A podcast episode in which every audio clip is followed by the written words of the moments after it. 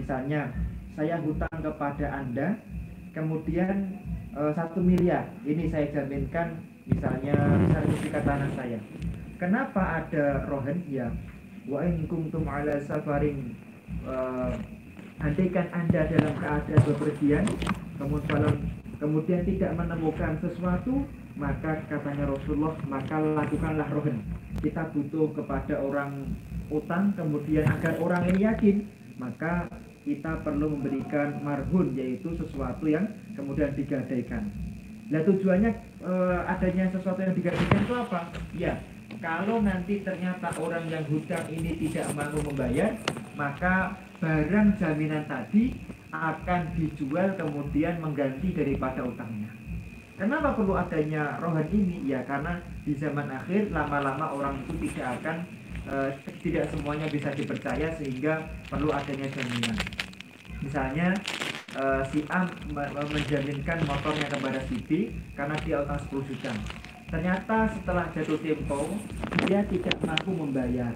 Maka motor ini menjadi jaminan kemudian dijual setelah dijual dilihat oh ternyata motornya itu lebih dari 10 juta harganya misalnya misalnya motornya harganya 11 juta maka satu juta dikembalikan kepada si uh, si uh, orang yang hutang tadi kemudian si yang yang 10 juta dimiliki si murtahin atau orang yang melakukan yaitu memberikan uh, pinjaman uang tadi. Kemudian rohon ini diwajibkan satu adanya ijab. Jadi harus ada ijab dan harus ada kobul kalau tidak ada ijab dan kabul maka tidak sah menurut syariat. Ijab kabul begini, Pak saya gadekan saya gadekan sertifikat ini kepada Anda uh, saya utang 10 juta maka diperbolehkan. Ya, saya terima gadenya, saya hutangkan. Kalau di dalam kitab ini dikatakan dengan kalimat apa? Uh, karohantu warta uh, seperti ada kalimat saya gadekan atau saya terima gade harus ada harus ada kalimat ijab dan kabul. Memang di dalam bab muamalah kemarin telah kami sampaikan tidak semuanya bab muamalah itu ada ijab dan kabul. Contohnya di dalam bab jual beli harus ada ijab dan kabul. Uh, misalnya di dalam bab uh, misalnya di dalam diafa tidak wajib ada ijab kabul. Diafa itu adalah akad muamalah nyugui orang yang menjadi tamu kita itu tidak wajib ada ijab dan kabul. Monggo monggo dipun unjuk. Tidak silakan silakan diminum. Tidak harus dia mengatakan ya saya minum. Tidak harus. Pokoknya kalau uh, sudah diakad diserah terimakan disumanggakan maka boleh dimakan. Lah sedangkan gade termasuk yang wajib ada ijab dan dan kabul seperti itu. Kemudian di dalam kitab ini dikatakan nah, kemudian di dalam kitab ini washtarotu ma bai'i. Kemudian syarat yang kedua adalah selain adanya ijab dan kabul sebagaimana bab jual beli maka di dalam bab rohon ini harus memenuhi syarat-syarat jual beli. Contohnya apa? Barang yang digadekan harus memenuhi syarat-syarat barang yang boleh diperjualbelikan. Misalnya saya utang 10 juta. Apa gadean kamu apa? Apa yang kamu gadekan saya gadekan anjing. Atau saya gadekan babi. Atau saya gadekan kotoran kotoran kambing. Karena itu tidak boleh diperjualbelikan maka tidak boleh digadekan nah, saya mau saya mau utang anda berapa? 100 juta. Lah apa apa apa? Eh, apa nganu jaminan kamu? Jaminan saya anak saya. Nggak bisa. Karena anak itu tidak boleh diperjualbelikan. Tidak boleh. Eh, saya mau utang 50 juta. Apa jaminan kamu? Jaminan saya adalah yaitu misalnya eh, jaminan saya adalah kucing-kucing saya. Karena kucing ini tidak boleh diperjualbelikan maka tidak boleh dijadikan yaitu jaminan seperti itu. Ini harus terpenuhi. Kemudian di dalam kitab Fathul Mu'ain ini dikatakan bahwasanya minit tiswalil lafdha ini wa tawafukuhuma ma'anan wa ya'ti huwa khilafan mu'ali khilafan lil mu'attam min ahli tabaruk kemudian syarat yang berikutnya adalah orang yang melakukan akad ini harus ahliyatu tabarruk. Apa ahliyatu tabarruk? Yaitu orang yang tidak masuk di dalam bab muflis atau mahjur alaih. Siapa? Satu anak kecil. Anak kecil tidak boleh melakukan akad gade. Yang kedua adalah orang yang bangkrut. dia bangkrut utangnya banyak maka tidak boleh melakukan akad gade seperti itu. Kemudian yang ketiga adalah uh, yaitu orang yang gila. Tidak dia tidak boleh melakukan akad gade yang keempat adalah uh, mahjur alaih yang berupa anak kecil. Anak kecil tidak boleh melakukan akad gade jadi harus ahli atau tabaruk ini seperti itu. Nah. kemudian fala yarhan waliyun aban kana aujidan awasian aw hakiman mala sobiyun wa majnun wa mala sobiyin wa majnunin kama la yartahinu lahuma illa liddarurah au hibtoh zahiratin au hibtatin wa zahiratin fayajuzu lahu rahnu wal irtihan. Lah bapak dan bapak dan kakek suf anak kecil itu tidak boleh melakukan akad gadai tapi kalau bapak atau kakeknya merasa perlu melakukan akad gadai, maka di dalam Fatul ini dikatakan dia boleh melakukan akad gadai dengan syarat dia yakin memang itu adalah cara terakhir, cara paling darurat. Yang kedua adalah ada hiptoh, ada keinginan baik agar dengan adanya gadai ini dia akan menjadi uh, menjadi orang yang soleh misalnya Nah, misalnya saya ada orang, ada kakek, uh, ada kakek punya cucu, bapaknya meninggal. Si Ahmad punya bapak Muhammad, Muhammad punya bapak si Mahmud.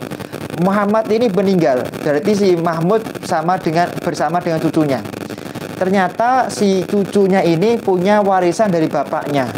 Sedangkan dia masih kecil butuh biaya untuk sekolah. Maka misalnya atau biaya makan maka si kakek ini boleh melakukan gadai, menggadaikan hartanya cucunya dengan syarat memang darurat. Kalau tidak darurat maka tidak tidak boleh dan ada hiptoh bahwa dengan menggadaikan itu maka akan menimbulkan kebaikan bagi anaknya.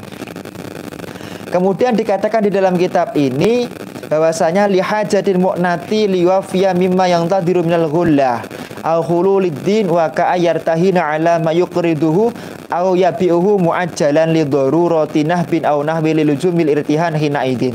Sub dikatakan di dalam kitab ini bahwasanya uh, kakek atau bapak yang melakukan akad akad apa namanya akad rohen atau akad gade tadi haruslah uh, melakukan akad gade yang memang diperlukan untuk biaya hidupnya. Tidak boleh misalnya, wah saya tak menggadaikan harta warisan kamu ya anak ya. Harta warisan hak kamu ya anak ya. Apa berupa motor misalnya untuk apa digadaikan agar kamu bisa uh, agar kamu bisa melakukan apa agar kamu bisa umroh yang kedua. Nah, umroh yang kedua ini sunnah hukumnya maka tidak boleh. Atau agar kamu bisa haji yang pertama. Haji itu bagi anak kecil belum wajib Makanya ketika dia melak ketika kakek menggadaikan hartanya anak untuk dia haji, maka tidak boleh karena haji bukan sesuatu yang wajib. Jadi kakek dan bapak ini hanya boleh melakukan akad gade bagi anaknya jika dia itu memang jika itu merupakan sesuatu yang wajib secara syariat, tidak ada khilaf.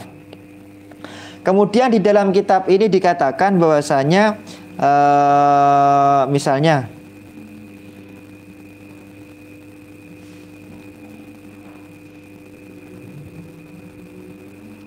Kemudian dikatakan walau kanal ainu al marhunatu juz'an musya'an au ariyatan wa ilam yusarrih bilafdiha ka angkolahu ka angkola ka angkola lahu malikuha ir, irhanna irhanna bidainika li husulit tawak tawasuk li suku li, li, li tawasuk biha. So di dalam kitab ini dikatakan bahwasanya gadai itu tetap sah sekalipun yang digadaikan sesuatu barang yang berupa keseluruhan atau barang yang berupa pinjaman. Sekalipun tidak tidak jelas menggunakan lafat misalnya ada orang mengatakan gadekanlah pinjaman ini untuk jaminan hutangmu. So, gadekanlah pinjaman ini untuk melunasi untuk jaminan hutangmu. Maka diperbolehkan. Karena emang menjaminkan menjaminkan sesuatu yang dipinjamkan itu boleh. Misalnya saya pinjam ke Ustadz Alif e, motor misalnya, kemudian dipinjam selama berapa? Selama satu bulan misalnya. Kemudian saya utang kepada si B, si Ustadz Rohmat. Ustadz Rohmat ini saya mau pinjam uangnya selama misalnya dua minggu maka saya yang saya pinjam dari Ustadz Alif tadi itu ibaratnya hutang biasa atau koret kemudian yang saya pinjam dari Ustadz uh, Rahmat itu tadi namanya gadai apa karena barang yang tak pinjam dari Ustadz uh, Ahlib tadi tak gadaikan untuk saya minjem utang kepada Ustadz Rahmat. Seperti itu juga dianggap sah dan diperbolehkan. Kemudian uh, Kemudian wa yasihu i'aratun naqdi lidzalika 'alal. Diperbolehkan meminjamkan uang untuk digadaikan menurut pendapat yang aujah sekalipun madhab menurut pendapat walaupun ada madhab Imam Syafi'i di sini kemudian dilarang melakukan akad gadai tersebut. Kemudian wa in mana'na i'aratahu li ghairi dzalika fa yasihu rahnun mu'arahnu mu'arin bi idni malikin li syarti ma'rifatihi al murtahina wa jinsadaini wa qadrahu na'am fil jawahir law qala lahu irhan abdi bima syi'ta soha ayadhanahu. So dikatakan Misalnya ada orang yang menggadaikan barang pinjaman uh, kepada orang lain, uh, maka diperbolehkan seperti itu sebagaimana kitab Al-Jawahir. Contohnya apa? Saya gadaikan budakku, saya gadaikan budakku, terserah kamu mau utang berapa, maka diperbolehkan. Jadi saya gadaikan budakku, saya gadaikan budakku, terserah kamu mau ngasih utang berapa. Itu seperti itu diperbolehkan.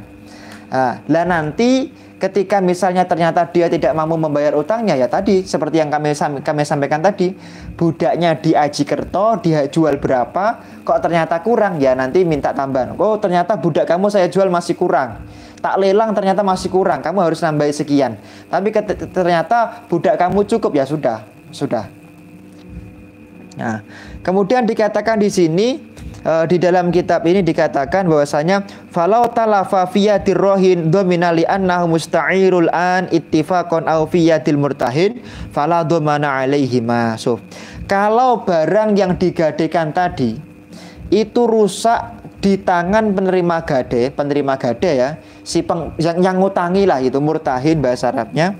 Uh, maka baik rohin maupun murtahin tidak menanggungnya seperti itu karena murtahin adalah orang yang dianggap bisa dipercaya dan hak itu tidak gugur di tangan si murtahin.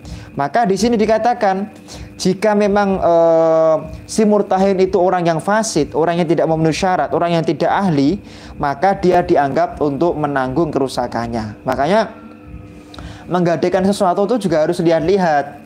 Misalnya e, saya gadekan ya sertif eh, saya gadekan ya e, motor saya ini motor motor kan boleh diperjualbelikan. Untuk saya utang ke kamu 10 juta.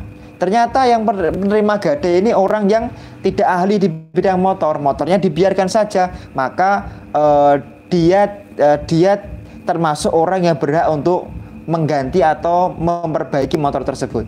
Tapi kalau dia memang ahli ahli dia orang yang normal kemudian dia orang yang jujur ternyata ketika dia normal dan dia jujur itu telah dijaga motornya sesuai dengan prosedur tetap rusak. Maka dia si murtahin tadi si penerima gade atau pegadaian tidak wajib untuk men mengganti kerusakannya tadi. Makanya paling paling tepat itu yang menggadaikan sesuatu dengan sesuatu yang yang masuk akal atau tidak menimbulkan kerusakan ketika digadaikan atau tidak rusak ketika dibiarkan lama. HP ini kalau dibiarkan lama misalnya satu tahun kan tidak rusak ya sudah HP ini boleh digadekan.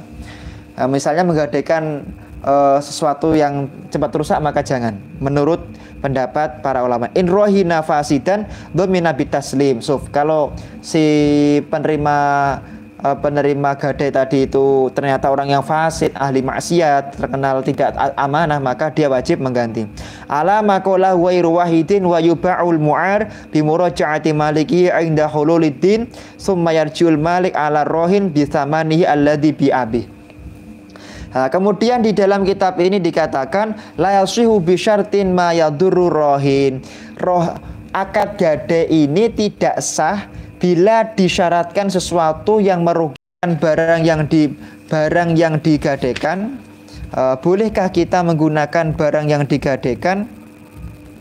Maka menurut pendapat yang kuat atau menurut pendapat yang asoh menggunakan barang yang digadaikan itu adalah tidak diperbolehkan. Wa, di dalam kitab Al-Asbah wa Nadhu'ir dikatakan wa minha law amma fin nasi atiyatu ibahati manafir rahni lil murtahin fal yunazzalu manzilata syartihi hatta yabsuda arrohnu qala jumla wa qala al-qafal na'am. Jadi di sini dikatakan bahwa ketika ada orang melakukan akad gadai ada orang melakukan akad gadai, kemudian barang yang digadaikan itu digunakan, maka hal itu e, tidak diperbolehkan karena ketika dia menggunakan barang yang digadaikan, maka dia itu dianggap pengambil kemanfaatan. Sedangkan kemarin telah kita jelaskan bahwa kullu qardin jarro naf'an riba. Setiap sesuatu yang berupa pinjaman pinjaman kok mengambil kemanfaatan apa pun dari yang dipinjemi eh, yang yang meminjemi uh, yang dipinjemi ya maka itu namanya riba. Kalau misalnya saya menitipkan barang gadian ke tempatnya si fulan kemudian barang gadian saya kemudian dimanfaatkan itu namanya mengambil kemanfaatan. Maka tidak boleh hukumnya. Jadi tidak boleh mengambil kemanfaatan dari barang yang digadaikan kemudian eh,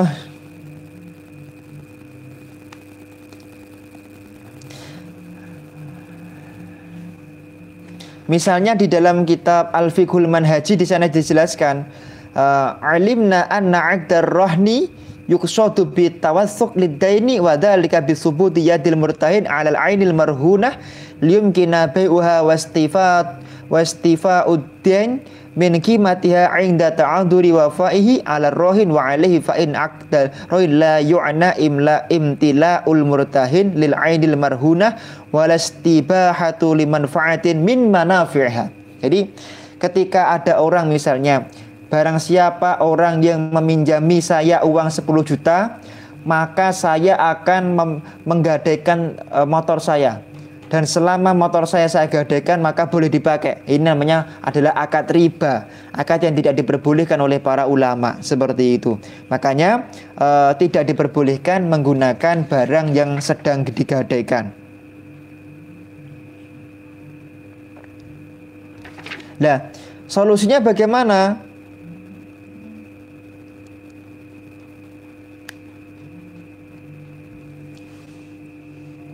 Solusinya bagaimana? Jadi solusinya kalau memang uh, solusinya biar bisa memakai barang tersebut, maka harus ada akad di luar akad gadai.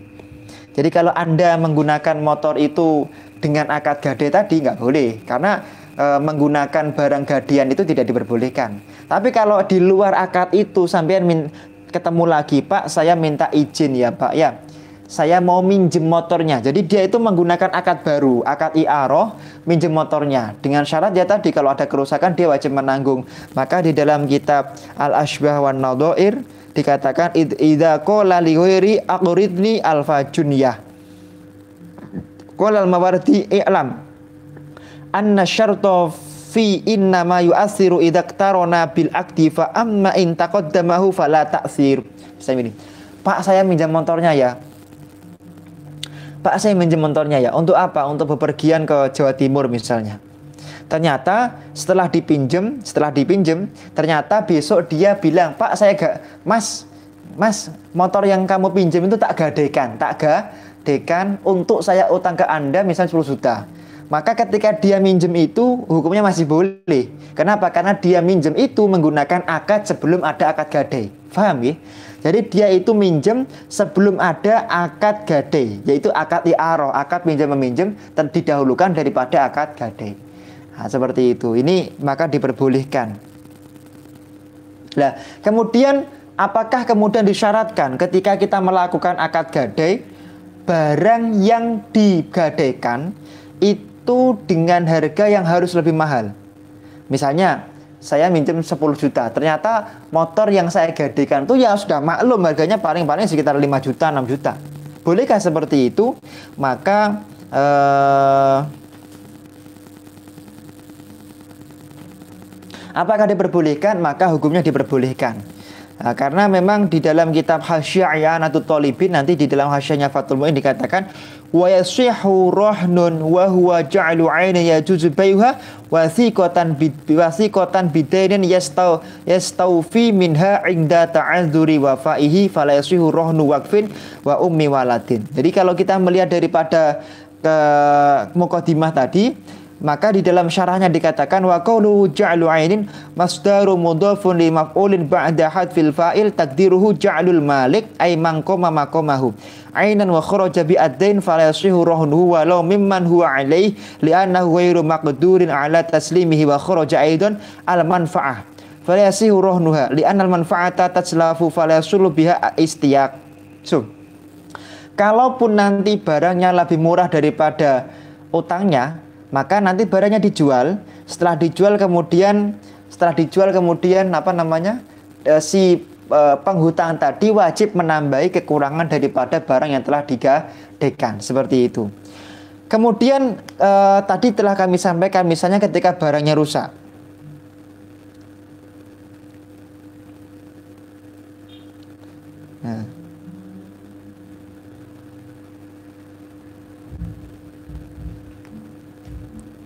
Nah, e, misalnya ada orang menggadaikan motor. Nah, ketika dia menggadaikan motor, dia itu sebelum menggadaikan misalnya dia sudah pinjam, Pak, nah saya pinjam motornya ya, Pak ya. Berarti kan dia pakai motor bukan alasan gadai. Dia pakai motor karena dipin dipenjemkan, dipenjemkan di luar akad gade. Jadi sebelum dia menggadaikan memang sudah mengizinkan atau meminjamkan. Ternyata dipakai, ketika dipakai rusak, maka andai kan kerusakan itu bukan karena disengaja atau kecerobohan, maka tidak wajib mengganti. Lah, apakah diperbolehkan misalnya eh, ketika kita melakukan akad gade kemudian menyewakan barang yang digadaikan? Misalnya uh, gini loh. Keadaan begini Ketika orang menggadaikan barang, baik rohin maupun murtahin, orang yang melakukan gade atau orang yang menerima gade atau meminjamkan uang, dia tidak boleh melakukan apa pun. Tidak boleh melakukan apa pun, menjual, menghibahkan, mewakafkan barang tadi nggak boleh. Nah, termasuk yang tidak boleh itu apa? Menyewakan.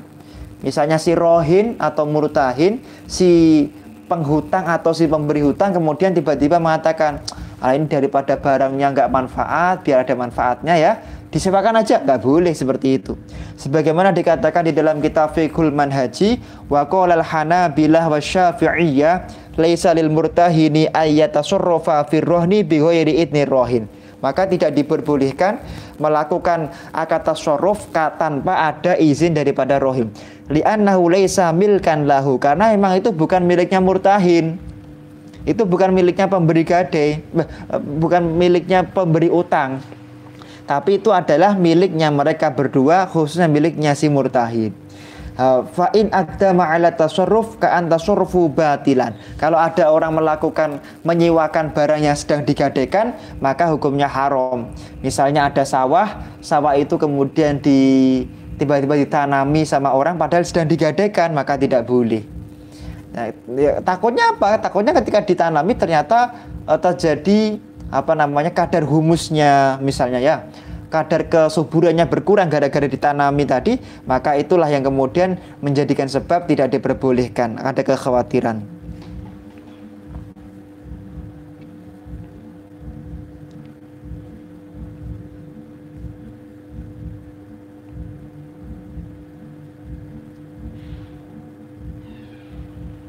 Nah, terkadang ada pihak-pihak di dalam kita ayat walau syarata kaunal marhuni mabi'an lahu indal hululi fasada.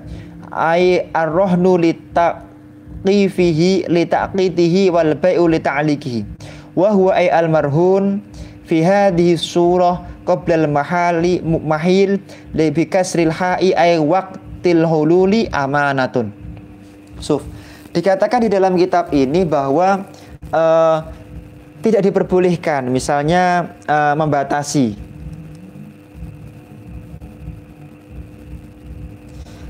Pak saya akan menjual Suf saya akan menjual barang gadean Anda jika dalam waktu setahun setelah Anda utang nggak bisa membayar. Nggak boleh. Kenapa yang nggak boleh tadi apa akad jual belinya? Karena akad jual beli itu tidak boleh digantungkan dengan sesuatu yang sifatnya eh, sesuatu yang lain atau takkit. Harus diulang lagi. Jadi misalnya ketika dia sudah tidak mampu membayar, sudah sudah tidak mampu membayar nggih, maka harus ketemu si rohin dan murtahin, peng, pengga, penggade dan penerima gade. Ini Anda tidak mampu membayar ya, ternyata setahun nggak mampu membayar, maka eh, barang yang Anda gadaikan tadi akan kami jual, kemudian barang tersebut hasilnya akan mengganti utang kamu kepada anda, saya maka boleh. Tapi kalau e, sejak awal sudah membatasi, pokoknya barang yang orang yang tidak mampu membayar akan di barangnya dijual secara otomatis nggak boleh. Akan seperti itu tidak diperbolehkan di dalam syari syariat seperti itu. Kemudian di e, berikutnya adalah kalau tadi yang kita bahas itu adalah e, barang gadaian itu uh, memanfaatkan barang gadian. Kemudian barang gadian harganya lebih rendah. Bagaimana kalau barang gadian itu harganya lebih tinggi? Misalnya barang gadian itu Anda utang 10 juta. Ya itulah seperti apa? Kemarin ada di TV ada orang menggadaikan sertifikat tanah 500 meter untuk utang 500 ribu. Ini kan jelas tidak masuk akal. Cuman Ya boleh-boleh saja, boleh. Kalau lebih tinggi bagaimana? Nah, maka tidak jadi masalah. Jadi nggak nggak apa-apa. Kalau lebih tinggi lebih bagus. Kalau ka, karena nanti kalau sampai dia tidak mampu membayar, maka barangnya dijual, kemudian sisa penjualan diambil untuk membayar utang, sisa pembayaran utang tadi akan diberikan kepada si si rohin atau si penghutang sebagaimana di dalam Fathul Mu'in di dalam PowerPoint itu dikatakan wa yasihu rahnun wa huwa ja'lu 'ainin yajuzu bai'uha wasiqatan dikatakan bahwasanya wa hadza laisa minat ta'rif bal bayanun li faidatihi wa min fi wa min wa min fi qawlihi minha lib lil ibtida la bit ta'bid li la bit tab'id li annahu yaqtadi istirat hatta istiroto antakuna qimatul aini almarhunati zaidatan. Tidak apa tidak disyaratkan harus lebih tinggi tidak disyaratkan. Alatin ma'anahu la yustarotu intinya eh, apakah kemudian ketika di pegadian maaf di pegadian Islam ya kalau pegadian aslinya ya mungkin akan mempertimbangkan. Cuman kalau menurut syariat Islam tidak harus barang yang digadaikan itu harganya lebih tinggi daripada harga yang Ya, misalnya Anda utang uh, eh, 100 juta, apakah mobil yang digadaikan harus Avanza keluaran tahun 2011 misalnya yang harganya masih sekitar 150 juta, tidak harus. Pokoknya ya uh, barang tersebut bisa dijual secara fikih maka boleh.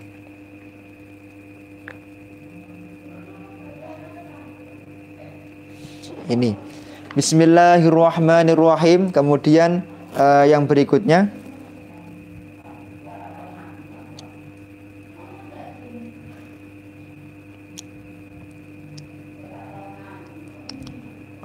Nah, ketika terjadi sengketa,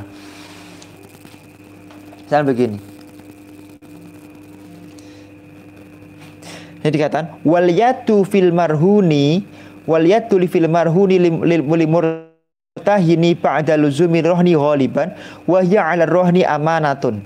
Ayatu amanatin walau ba'dal baro'ati minad daini minadaini fala ya ya, ya, ya nuhu al murtahinu illa bi ta'addi kanim tana aminar rodi ba'da sukuditen. Sudah dikatakan orang yang berkuasa memegang barang gadaian tadi itu adalah yaitu orang-orang yang bisa diamanai. Biasanya yang megang yang murtahin. Di mana-mana barang itu dipegang oleh pegadaian kamu bisa ambil kalau sudah bisa membayar. Itu disyaratkan jika pegadiannya amanah. Nah, andai kan pegadian yang telah ditunjuk tadi ternyata amanah, biasanya nggak merusak, tapi ternyata tiba-tiba rusak, maka pegadian tidak berhak untuk dituntut untuk mengganti seperti itu.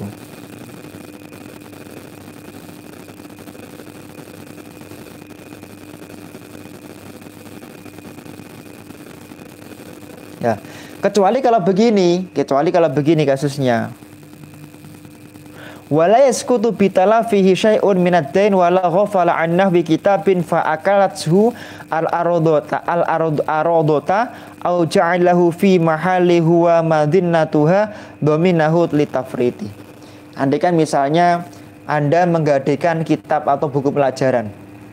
Pak, ini saya gadekan kitab saya kitab ini harganya misalnya 50 ribu tak gadekan ternyata si penerima gade atau murtahin ceroboh. Kitab ini kan harusnya disimpan di lemari yang bagus. Eh disimpan sembarangan di, dimakan rayap dimakan arod arodoh maka si murtahin tadi wajib untuk mengganti karena kecerobohan daripada murtahin tersebut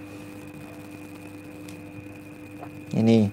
Kemudian faidatun wa hukmu fasadil uqud idza sadara min rasyidin hukmun sahih sahihya fi dhamani wa adami wa adamihi li anna sahihal akdi idza qatadu dhamanu ba'dal qabdi kal bai'i wal qardi. So, ini ada faedah hukum akad yang fasid, hukum akad yang uh, fasid ya.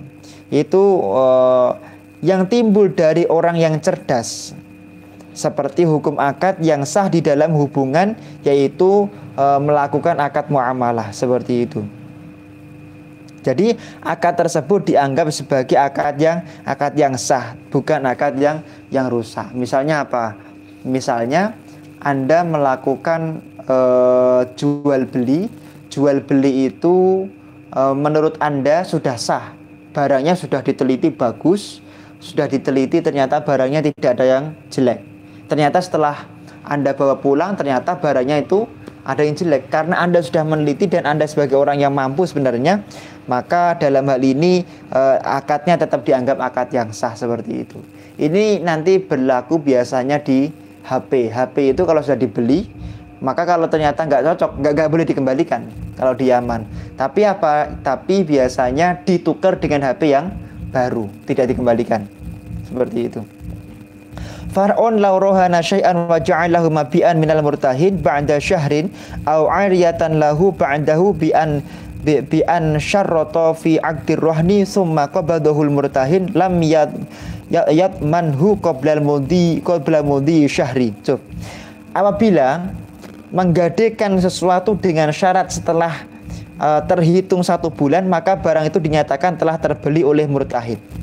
Jadi, jadi sudah uh, sudah apa ya sudah menjadi haknya murtahin tapi dia harus misalnya uh, menjelaskan bahwa ketika dia itu uh, satu bulan uh, dia itu menjaga maka tidak menanggung kerusakannya. Begini contohnya. Pak saya gadekan apa? Kipas angin saya kipas angin. Apa untuk utang 100 ribu misalnya?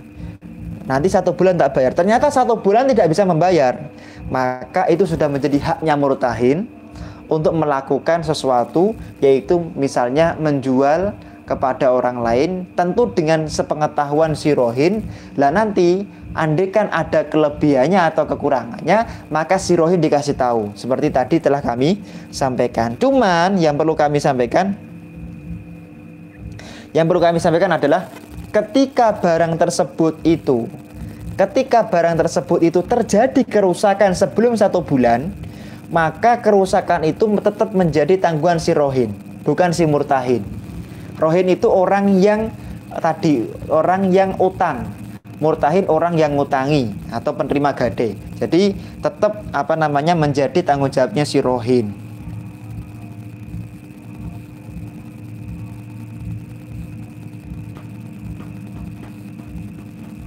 Kemudian walahu ailil murtahini tolaba bai tolaba bai'ahu ay almarhun au ay tolaba qadu ataini illam yabi wala yalzamu rohin al bi khususi bal innama yatlubul murtahin ahadal amro ini. So, bagi murtahin, bagi si penerima gade setelah hari H yang telah ditentukan ternyata dia itu tidak mampu untuk membayar seperti itu. Maka dia boleh melakukan yaitu menjual barangnya dan lain sebagainya tentu dengan saat tadi. Lah, Tapi di sini perlu diketahui, andai kan belum jatuh tempo, maka si murtahin tidak boleh seenaknya sendiri melakukan penjualan. Alah paling-paling kamu nggak kuat membayar, nanti udah tak jual sekarang aja, nggak boleh. Harus sudah jatuh tim tempo. Nah, cuman di sini dikatakan bahwasanya wa inna ma yabi'u rohin bi idnil murtahin indal hajah. Umpama si rohin, aduh, si rohin berpikiran begini. Ini kayaknya nganu ini, kayaknya saya saya butuh uang ini. Ha, Pak, Pak Murtahin, saya tak nganu ya, tak jual ya barangnya Pak ya. Uh, saya pengen tak jual sekarang uh, untuk nanti melunasi utang kamu misalnya. Atau tak jual sekarang kayaknya ini kayaknya apa? Barang yang tak gadaikan ini lebih besar daripada utang saya misalnya harganya. Maka diperbolehkan dengan syarat biidnil murtahin. Tidak dapat izin dari si pen penerima gade tadi.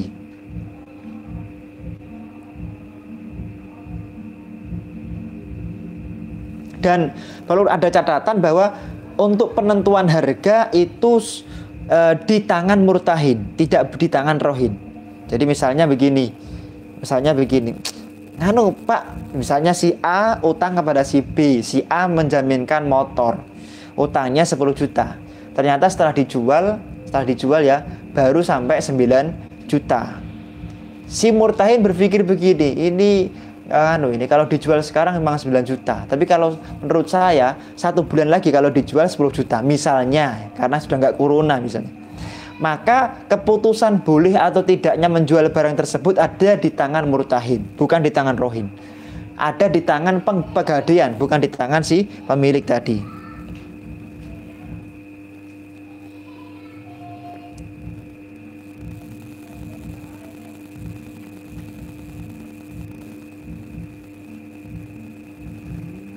Nah, kemudian jika misalnya terjadi sengketa di dalam akad gade ini terjadi sengketa. Sengketanya apa? Ternyata si pemilik barang tadi nggak mau menjual atau si pemilik barang itu kabur. Bagaimana? Maka dibawa ke pengadilan. Jadi tidak boleh sewenang-wenang si murtahin tiba-tiba mengambil uangnya kemudian di eh, mengambil barangnya kemudian dijual nggak boleh sewenang-wenang harus dibawa ke pengadilan di pengadilan itu andai kan anu loh andai akan terjadi chaos dia maka dibawa ke pengadilan. Di pengadilan maka hakim menentukan satu, dia wajib menjual barangnya untuk melunasi hutang. Dua, dia wajib untuk apa? Dia wajib untuk dimasukkan ke penjara. Yang ketiga adalah dia wajib untuk yaitu e, melakukan sesuatu yang bisa melunasi hutangnya tersebut. Seperti itu.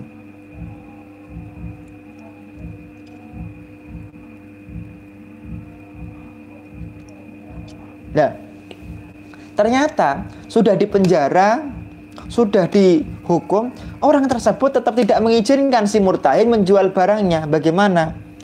Maka haknya si rohin, haknya si rohin, maaf, maka haknya si hakim untuk menjual barang tersebut. Jadi Eh, yang yang boleh melakukan ikroh atau pemaksaan penjualan siapa? Ya hakim itu sendiri. Ya, demikianlah masalah-masalah yang berhubungan dengan dengan gade. Satu, ingat ya, harus ada akad ijab dan kabul. Dua, barang yang dijual harus barang yang eh, barang yang digadaikan harus barang yang boleh diperjualbelikan. Tiga, ba, eh, yang boleh melakukan adalah orang-orang yang ahli itu tabaruk siapa? Orang yang dewasa tidak tidak apa? Gila tidak anak kecil tidak orang yang sedang bangkrut dan tidak orang yang dipaksa misalnya. Kemudian yang keempat adalah e, melakukan akad rohin itu harus e, tidak boleh menggunakan barang yang sedang digadaikan kecuali mendapatkan izin di antara kedua orang tersebut. Seperti itu. Mendapatkan izin maka diperbolehkan dengan akad yang lain yaitu akad iaro semoga materi yang kami sampaikan pada malam hari ini memberikan kemanfaatan selama 46 menit. Semoga pertemuan ini menjadi pertemuan yang barokah. Assalamualaikum warahmatullahi wabarakatuh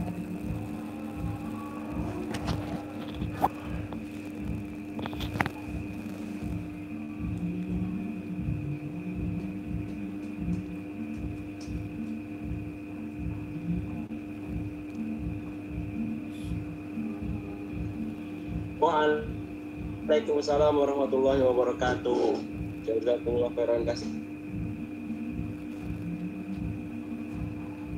Kiran kepada uh, uh, Ahmad Muhammad Istain semua atas materi yang telah disampaikan. Ini materinya cukup menarik ya teman-teman terkait dengan kegedean. Jadi buat teman-teman semuanya, silakan kalau mungkin ada, ada pertanyaan dan uh, uh, uh, unek-unek tentang pergadean boleh ditanyakan di kolom komentar. Dan uh, kami infokan juga ya buat teman-teman semuanya kalau misalkan ada pertanyaan tulis di grup ya tulis di grup atau mungkin chat ke nanti saya sampaikan. Bukan hanya belajarnya lewat kayak bikin mama warahmatullahi wabarakatuh. Terima kasih umumnya Ustaz. Alhamdulillah Barakallah Fik. Semoga bermanfaat. Alhamdulillah ini uh, bermanfaat. Silakan kalau ada teman-teman semuanya pertanyaan kita tunggu ya 5 menit ya. Kita tunggu 5 menit. Silakan kalau ada yang mau ditanyakan kalau ada yang mau disampaikan unek-uneknya monggo. Buat teman-teman semuanya silakan uh, kita buka sesi pertanyaan ya. Silakan monggo. Kita bahasan malam hari ini tentang pergadaian jadi kalau kemarin mungkin ada pertanyaan belum terjawab misalkan ya boleh tanyakan di sini ya. Silakan silakan silakan. Biasanya nganu Ustadz uh, Rendra pertanyaan tentang pergadian itu ya tadi ada enam pertanyaan tadi itu sudah saya jawab itu biasanya ya boleh nggak menggunakan barang gadian itu? Paling paling itu terus menyewakan ya, boleh nggak itu mungkin pertanyaan yang kemarin itu juga oh, yang kemarin apa itu dari Mbak Yuni itu iya apa namanya menggadekan barang untuk modal usaha itu loh Gus Oh, menggadaikan barang misalnya saya riba benda itu. Misalnya motor atau mobil gitu harus digadaikan. Terus barangnya itu uang kan? Saya dapat uang. Terus habis itu kayak ini misalkan mau gunakan uangnya itu untuk apa namanya dagang itu boleh apa enggak gitu? Oh. apa enggak maksudnya? Enggak apa-apa. Kalau uangnya yang dipakai enggak apa-apa. Memang tujuannya utang itu kan untuk dimanfaatkan utangnya yang jadi perdebatan ulama itu kan masalah bolehkah menggunakan motornya tadi. Kalau uangnya boleh jelas. Boleh mutlak itu. Oh.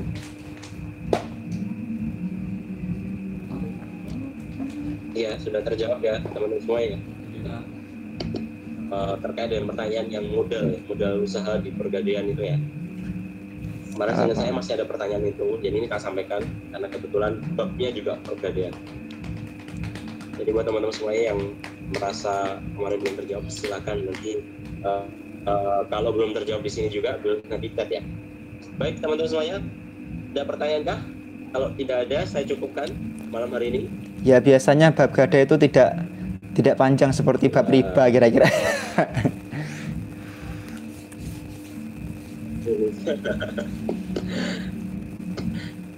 ini ada pertanyaan Gus.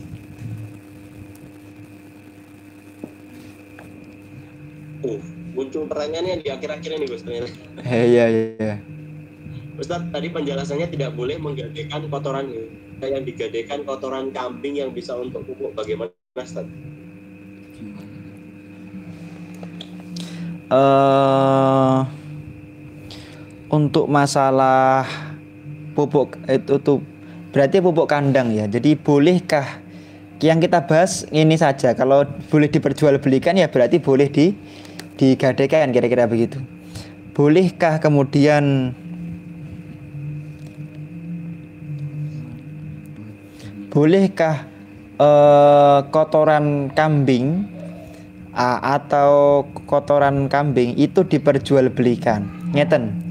Di dalam madhab Imam Ash-Syafi'i, kotoran kambing apa sesuatu yang najis itu tidak boleh diperjualbelikan termasuk kotoran kambing. Cuman di dalam bab jual beli nanti uh, biar kita eh, maaf di dalam bab kotoran kambing ini biar kotoran kambing ini tetap bisa kita miliki dan orang lain itu adalah tetap dapat uang maka tidak menggunakan akad jual beli tapi menggunakan akad nakluliyat yaitu memindah hak. Pak minta tolong Pak. Kirimkan satu kilo kotoran kambing. Nah. Apa ini? Kirimkan satu kilo kotoran kambing. Ternyata setelah dikirim, kemudian dikasih uang. Lah uang ini dalam rangka jasa dia mengirim, bukan beli kotoran kambing. Artinya apa? Kalau mengikuti madhab Imam Ash-Syafi'i, kotoran kambing tidak boleh diperjualbelikan. Nah, walaupun nanti ada pendapat eh, apa namanya itu jadi jual beli kotoran kambing dalam madhab Imam Ash-Syafi'i tidak diperbolehkan uh, walaupun bisa dipakai pupuk maka tidak boleh digadaikan menurut Imam Ash-Syafi'i seperti itu.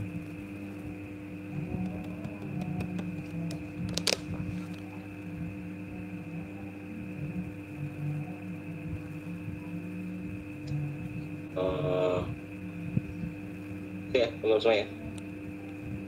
Masih ada pertanyaan, Gus?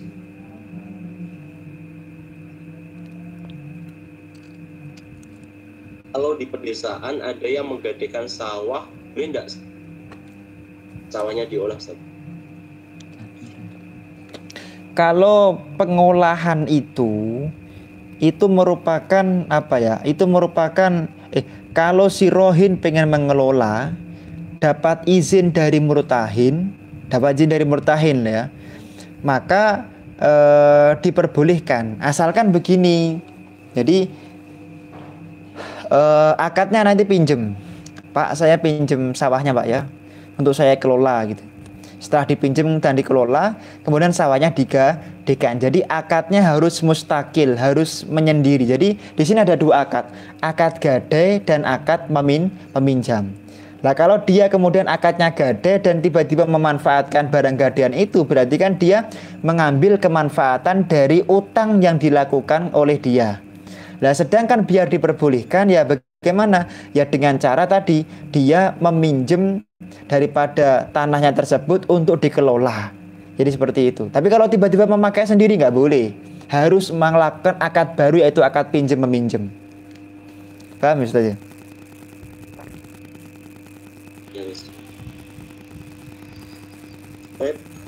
Ada yang lain teman-teman semuanya? Mas ya, ya. Untuk untuk tadi apa namanya? Ini ada yang baru. Untuk menggadaikan kotoran tadi memang dalam madhab syafi'i itu jual beli harus sesuatu yang suci.